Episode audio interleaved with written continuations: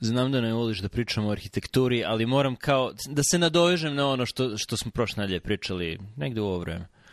Um, Washington, glavni grad Amerike, je dizajnirao francuski arhitekta Lanfon, Uh, kad je to bilo? Krajem 18. početkom 19. veka, kad se gradio Washington i prema njegovim uputstvima većina zgrada, vladinih zgrada u Washingtonu je, je pravljena klasična arhitektura, grčko-rimska, kolone, kapitol. Da, ali on napravi ono plan grada sa kosim ulicama koje seku mrežu, da, on... uh, pravi, ulica pod pravim uglom sa kružnim tokovima, idejom da se tu prave spomenici i tako dalje. Da, i, i to je njegova ideja, da, ali fokusirao bih se, i to je njegova glavna ideja, po tome je najviše poznat, ali foku, fokusirao bih se na njegova uputstva o, klasičnoj arhitekturi i zgrade u, u Vašingtonu koje ljudi povezuju sa Vašingtonom, to je zgrada Kapitola, Bela kuća, uh, Vrhovni sud, arhiv,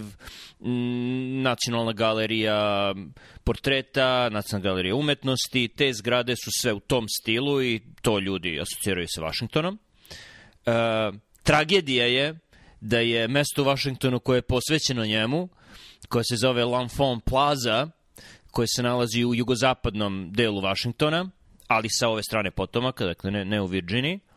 Uh, tragedija je da je, da je ta L'Enfant Plaza jedno brutalističko smeće uh, koje je brdo betona, juče sam bio tamo tako da me to podsjetilo, to su bunkeri sa milion tanušnih prozora u koje ne dopire svetlo, sa, sa betonskim pod navodnicima parkovima gde je jedino zelenilo korov koji raste između cementnih blokova, gde se ti betonski blokovi drobe, ruše, gde imaš zarođelu armaturu, gde imaš uh, polupane prozore, gde nema žive duše. Mislim, ni pacova tamo nema. To, to je sve što ću ti kažem Izmijeni, o, o Plaza.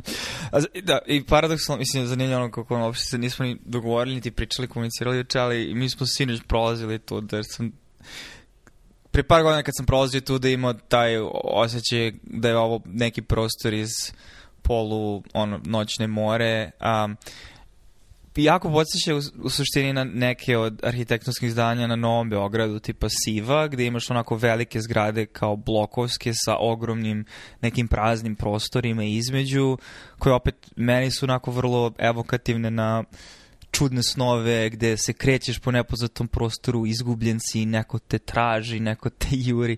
Uh, I ne znam da li je to bila namera um, arhitekata i urbanističkih dizajnera, um, urbanističkih planera pri izgradnji toga, ali pogotovo noću, pogotovo sa osvetljenjem kakvim ima, jer ono, u Beogradu, kad sam bio u septembru, ako ništa drugo, trgovi u Beogradu su jako dobro osvetljeni noću, ovo je A pritom, znaš, tu je muzej, ima muzeja, tu bilo je ljudi, znači ljudi se skupljali ono polumrkli mrak, ne znam, baš onako čudan, čudan vibe. I, I što je najgore, L'Enfant Plaza je jedina stvar koja stoji između uh, mola, znači onog dela gde su muzeji, gde je turistički deo i potomaka reke, tako da ljudi da bi došli do luke DC-a, DC Wharf, on pristaništa DC-a na luke, moraju da prođu kroz L'Enfant Plazu. Znači moraš da prođeš kroz Golgotu da bi, da bi prošetao rekom. Sad, arhitektonska rešenja na samom pristaništu, možemo i o tome da pričamo i o e, modernim rešenjima sa, sa Kobayagi industrijskim dizajnom i zaređelim metalom i i ono što si rekao panelima koji se lako skidaju i nameštaju i ako ništa drugo bar će bolje ostariti ako ne, ostari, ne, ako ne ostari dobro lako, lako će se sve te stvari ukloniti dakle ne, nešto smo nadam se naučili ali pitam se, pošto sam siguran da niko ko radi u tim zgradama ne voli što radi u tim zgradama, te zgrade su sve nastale 60. godina, dakle od 62. na ovamo, uglavnom su građene 60. i 70. Kako za poslednjih 50 godina niko nije odlučio da sruši to smeće, jer proveravao sam, one su jeftinije za izgradnju, pošto ti izliješ jedan blok betona i to je to, ali su mnogo, mnogo skuplje za održavanje. Oni su desetine i desetine miliona dolara bacili na, na održavanje tog smeća kako se niko nije setio da sruši i napravi nešto novo, mislim da bi ljudi radi u šatorima radili nego u, u tom smeću. Pa možda delimično zato što ljudi koji tu rade možda nemaju sposobnost da donesu takve odluke, a zbog ružnoći tih zdanja ne kreće se dovoljno ljudi oko toga da bi se osjećalo vrlo vatreno po pitanju arhitekture, tako da ljudi koji vole da se šetaju poput tebe su manjina koji primećuju rogobatno svega toga samo hipoteza. Um, ne znam, mislim, jako je zanimljivo da se tu sad paralele povraće meni između ono arhitekture za vreme SFRJ i Amerike, što je jako zanimljivo s obzirom da su posle drugog svetskog rata bilo vrlo drugačije dve ekonomske pozicije, ali zašto onda neki kulturološki tokovi su bili paralelni, te poput onih spomenika naših u, u ovom drugom svetskom ratu, izlivenih od betona. Znači, ili ne znam, pričali smo uh, Watergate Hotel, koji isto izgrađen za to vreme, znači izgleda kao neko odmaralište na Kopavniku, mislim, meni to jako smešno. Um, ali možda jednostavno zato što ljudi koji žive u DC-u mahom su transitorni, u smislu ne živi mnogo ljudi tu trajno, a i ljudi koji žive ne kreću se u tom prostoru, nego se uglavnom kreću u, područjima koje su malo dalje od te turističke zone. Tako da ljudi koji su u kontaktu sa tim zdanjima su ili ljudi koji isključivo rade tu, ili turisti koji prolaze tu da i to je otprilike to. A sa druge strane, i mislim da će ovo da nas odvede u pravu temu ovog razgovora, možda i nije loše imati primere loše arhitekture i loših urbanističkih rešenja u gradu, čisto da bi mogao više da ceniš ono što je dobro u gradu, a ima dosta dobrih stvari u Washingtonu.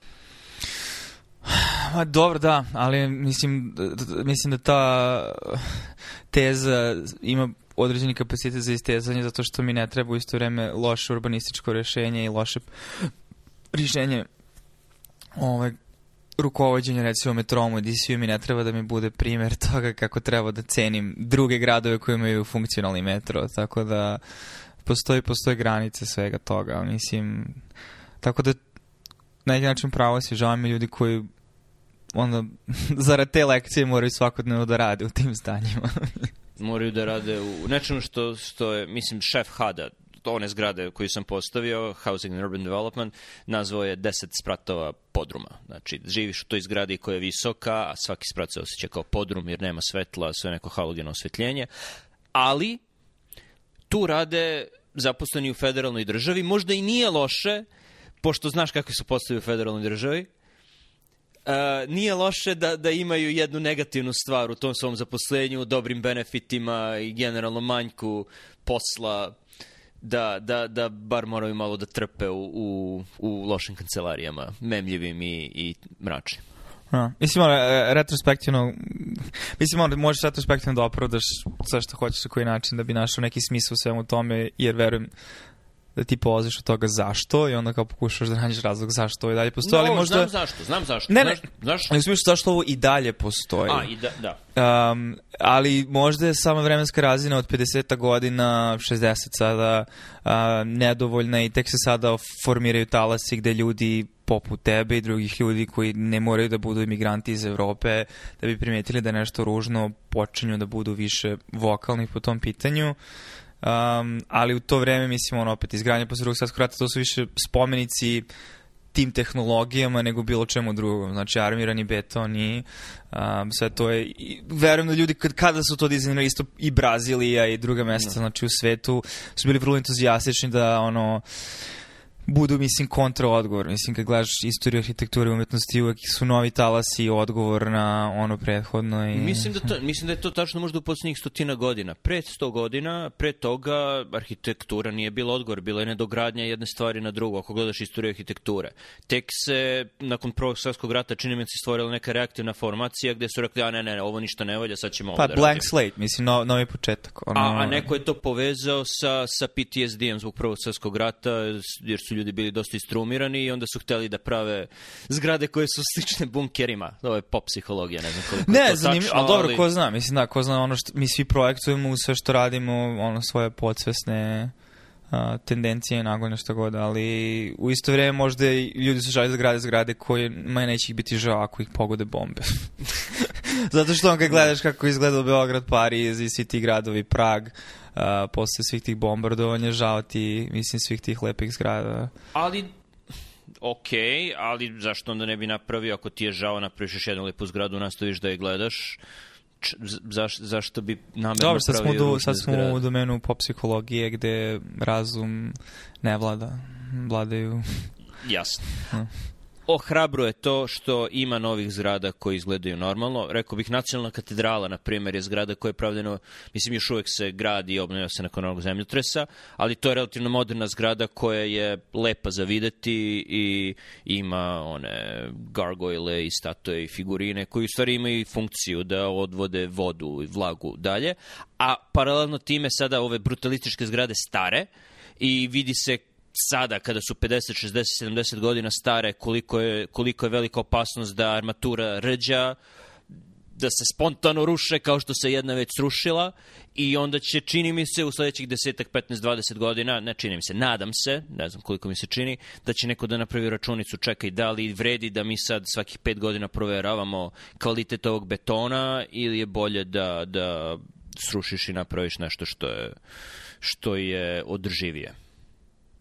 Ne znam. Uglavnom, ono što sam mislio da će biti tema, ali nije. Uh, šizmogeneza. Da, da, da. Šizmogeneza. Jer uh, čitao sam Demon Haunted World i postavljao sam stvari na Twitteru, ono kako sam čitao. Tako. U na Twitter, microblog, pa ono automatski stavljao na Twitter, nije bitno. Um, to je pisao 90. godina Carl Sagan, koji je poznati američki fizičar, uh, astrofizičar, koji je, za razliku od nekih drugih popularnih astrofizičara, tipa sada ovog... Neil deGrasse Tyson. Neil deGrasse Tysona, koji je učenik Carla Sagana, koji u stvari ne doprinosi nešto puno nauci, doprinosi popularizaciji, ok, nije ni to loše. Carl Sagan je u stvari dosta doprineo misijama NASA, na, ka, ono, kad su slali satelite da... A on je odgovoran za onu zlatnu prolaču na Voyageru i šta su stavili u smislu, ono, koja je bila Beethovena, koja je simfonija, deveta simfonija ili ne znam. Stavili su gomilu stvari. I ono, iz... izgled ljudskog tela i snimci glasova i tako da, da. da. Između ostalog. Ali, mislim, i ono, planiranje putanje, kada će se lansirati, šta će se tačno izučavati, on je to radio, ali je najpoznatiji ovde kao oni koji je, koji je stvorio seriju Kosmos i napisao i knjigu i, i po tome je najpoznatiji. E, on je umreo 90, umreo 96. od raka, čini mi se, pankreasa. E, poslednja knjiga koju je napisao je The Demon Haunted World, koju sada čitam. I kako čitam to, mislim, bio je bo, već bolestan tad kada je pisao, tako da je delove knjige pisala njegova supruga, koja je isto radila na Voyageru i oni su to zajedno bio njihov zajednički projekat, ali mi je bilo zapanjujuće koliko pasusa i stvari o kojima njih dvoje pišu, uglavnom on, ali i ona, koliko bi sada iz ove perspektive oni, kada bi to napisali pisali na Twitteru, koliko bi bilo šanse da budu pogrešno shvaćeni i da se i da, i da ljudi sa obe strane političkog spektra sa oba ekstrema političkog spektra, koliko bi bilo šanse da ih napadaju za jeres i za, i za, mm, i za ne znam, mišljenje, mišljenje koje ide protiv veći, većinskog. Disidenciju. Disidenciju, da. Tako da je, da je zanimljivo kako se stvari menjaju, a to njihovo mišljenje sredinom 90-ih je standardno mišljenje uh, sloboda govora je dobra, više obrazovanja je dobro, ljudi treba da budu dovoljno obrazovani da mogu da, da uh, motre i uh, challenge da Izazivaju. Iz, izazivaju ili da se usprotive autoritetu, da dovedu u pitanje autoritet države, Uh, i država bi trebalo da strahuje od svojih građana, a ne građani od svoje države i građani ne treba bez pitanja i pogovora da, da prate ono što im država i vlasti kažu. Znači, to je i ono, Bill of Rights, za, uh, ustav, šta su ovi pisci ustava mislili, sve to, to su bila potpuno standardna mišljenja. Borba protiv, na, najbolje se boriš protiv govora sa kojim se ne slažeš, svojim govorom u uh, svojim govorom i svojim argumentima, a ne supresijom uh, stvari sa kojima se ne slažeš i dali su primer uh, najbolje, najbolja rešenje za rasistički govor je govor protiv rasizma i takve takve slične teze. To je sada potpuno suprotno... Hoćeš da kažeš antirasistički govor? To je, to je sada su suprotno svemu što, što za, za što se zalažu, čini mi se, većine i levo i desno u Americi. Pa kad je, kad je izašla knjiga? 97. Ok.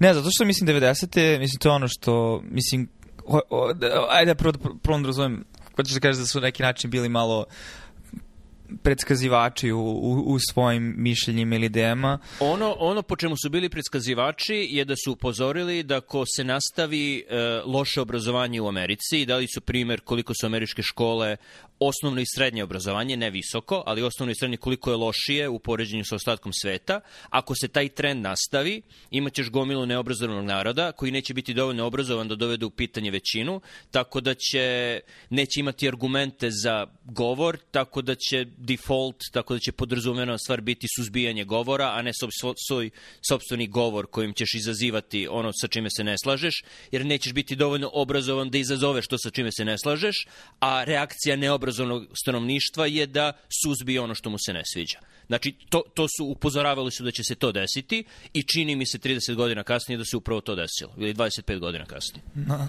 Mislim, uh, inače ta teza mi je poznata što se tiče generalno njegovog dela u smislu, ali mislim i čak ono, kako ja to razumem, znači nije samo obrazovanje u smislu sticanja um, iako to jeste deo obrazovanja, mislim, ono, znanje o činjenicama, onoga što smo stekli kroz civilizaciju, već isto vreme obrazovanja u smislu razumnog razmišljanja, racionalnog razmišljanja, argumentacije, kako da razvajaš dobre ideje od loših ideja i tako dalje, što je na neki način mislim, na neki način bitnije, zato što ti dozvoljava, to je mehanizam, veština koja ti onda dozvoljava da dalje usvajaš informacije, jer ono što čega smo svedoci sada je da je jako zgodno ponavljati rečenice i fraze i biti, osjećati se udobno u, u svom domenu argumentacije, ali onda je problem što uopšte ne možeš da imaš bilo kakav razuman razgovor sa bilo kime, jer čim kreneš da pokušaš kritički da gledaš na nešto, druga strana može lako da se samo služi stvarima koja misli da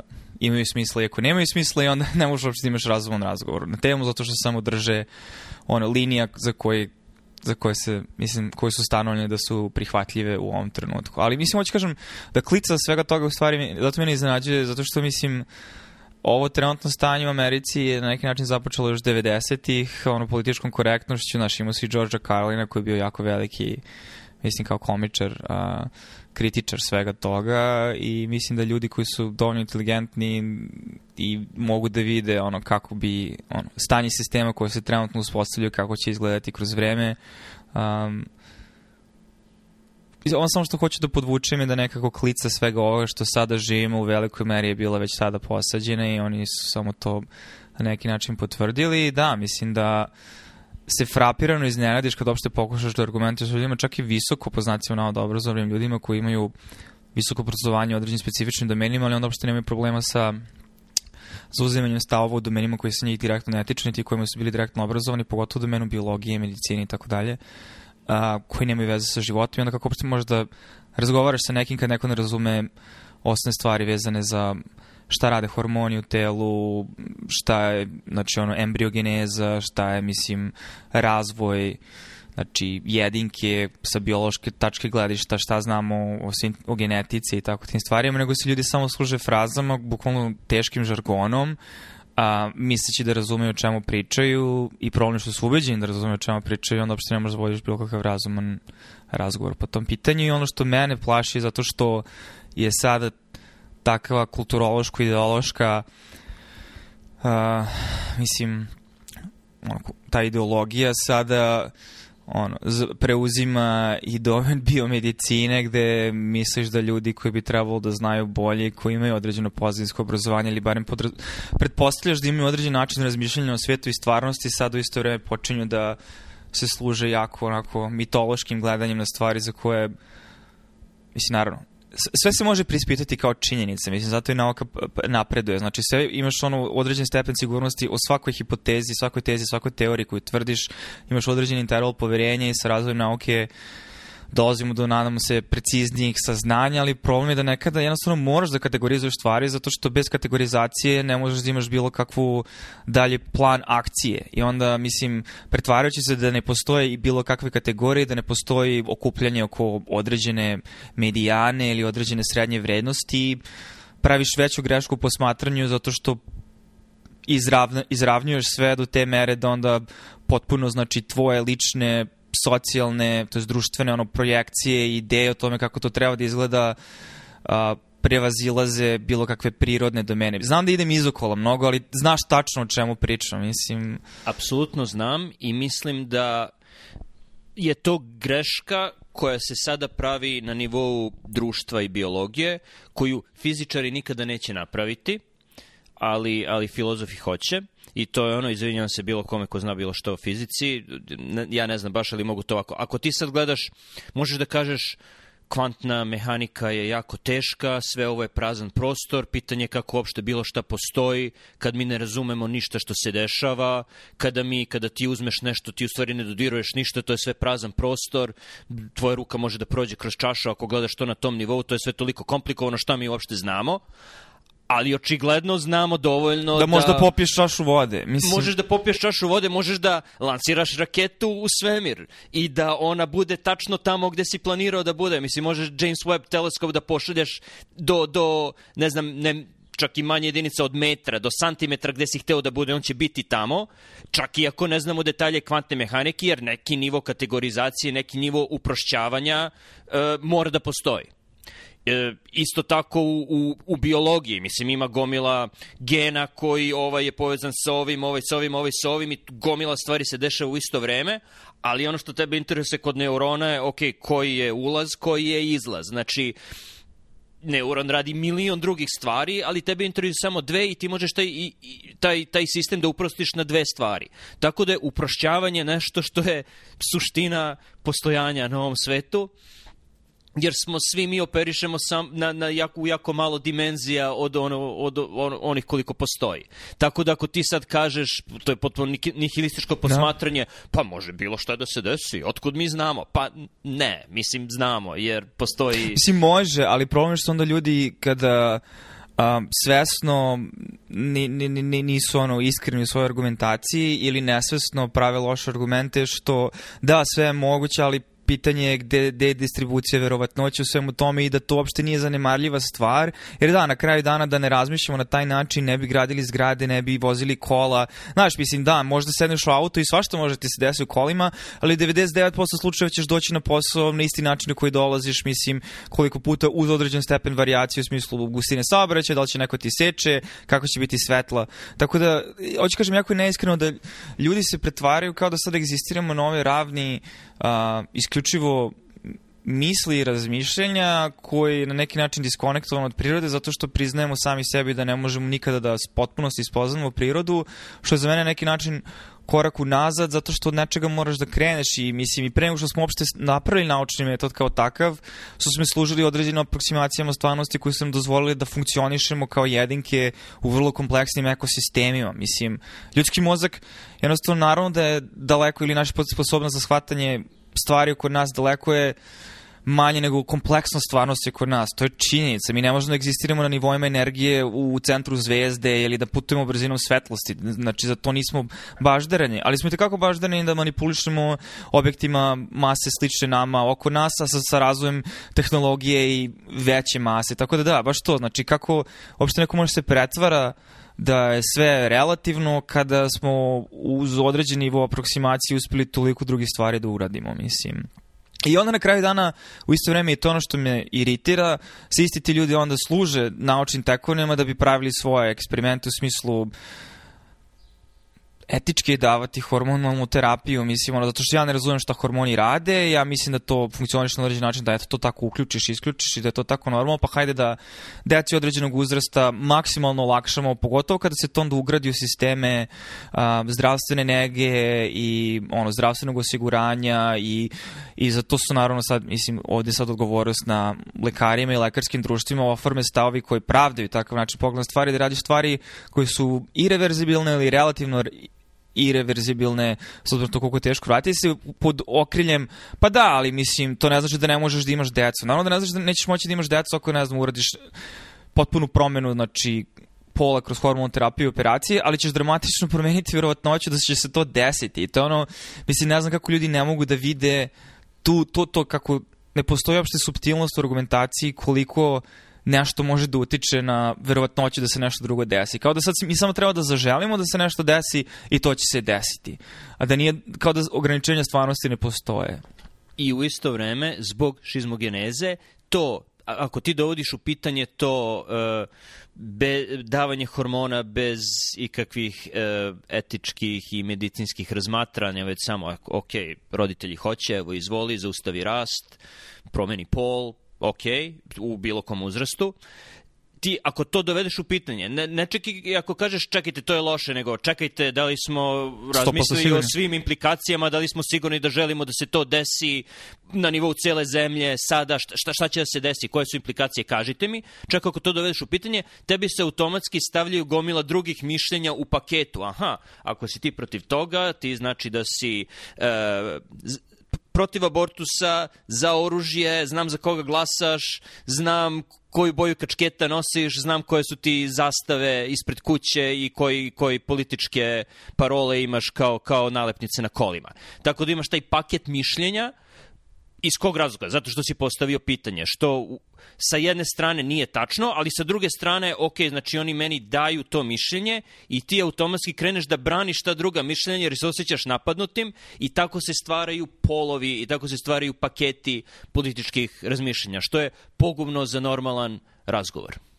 Da li razumeš šta hoću da kažem? Potpuno razumeš šta hoćeš da kažeš, ali zanimljiva je stvar koju, si, koju možda nisam dao dovoljno aspekta u velikoj meri koje je ono, tlo za, za, za nicanje takvih um, aglomeracije ideja jeste nedostatak nekog osnovnog obrazovanja. Zato što ja stvarno shvatam da ti ne možeš nekome sada, pogotovo ako neko oformio čita svoj identitet oko neke ideje i konzumira stvari i to isto problem kao ono vezan za socijalne medije kada ti kroz algoritme ti oni klasteruju stvari koje ćeš imati veću vratnoću da vidiš confirmation bias i onda ti misliš da to što te informacije koje do tebe dolaze su slučajno uzorak sredine i tvoj mozak ih procesira kao da je to odraz neke stvarnosti, s obzirom da ne bi ove informacije stizale do mene, ne bi ovi tračevi stizali do mene, da to nije odraz neke stvarnosti, ne shvatiš i da je to sve vrlo onako na određen način izmanipulisano zato što će to povećati verotnoću da ostaneš na tim socijalnim medijima. I onda je mnogo teže da ti dopreš do nekoga zato što automatski dopiranjem i pokušavanjem da uputiš na nešto drugo, ti u toj osobi okidaš ono crvene lampice za baš to. Znači, aha, ti si jedan od tih i samim tim i ne možeš da imamo bilo kakvu raznu i onda tebe počinju da prave nešto što ti nisi i onda jako je mali broj ljudi s kojim uopšte možeš da stupiš u konverzaciju te vrste, ali ono što shvatam ne, ne znam, neko je okačio na Twitteru ono um, kao u kom trenutku ste zaista pomislili da, mislim, evo što se kriče konkretno ideje o rodu i polu, uh, je to toliko fleksibilno? Pogotovo, znaš, ono, ja mogu da razumem da deca koji su u školi ili u srednjoj školi izrađeni u određenim idejama, nekako to može jako rano da ti se veže za tvoj lični identitet i samim tim to može bude deo tvoje priče i tvog viđenja sveta, ali za ljudi koji su odrasli, koji sad imaju na 40 i nešto godina, 40 i nešto godina, velika manjina je zaista bila izložena ili imala ta verovanja decenijama većina ljudi, znači ovo, mislim ja to doživim veliko meri kao neko pomodarstvo i onda zanima me koliko ljudi stvarno kad iskreno sednu, a pogotovo ljudi u, u medicini, kad bi iskreno seli sami sa sobom i rekli, ok, kad sam stvarno počeo da verujem u ove stvari i zapite se zašto, mislim da bismo došli do zanimljivih odgovora, ako ništa drugo, mislim. Nadovezao bih se tu na nešto što je uh, u knjizi bilo.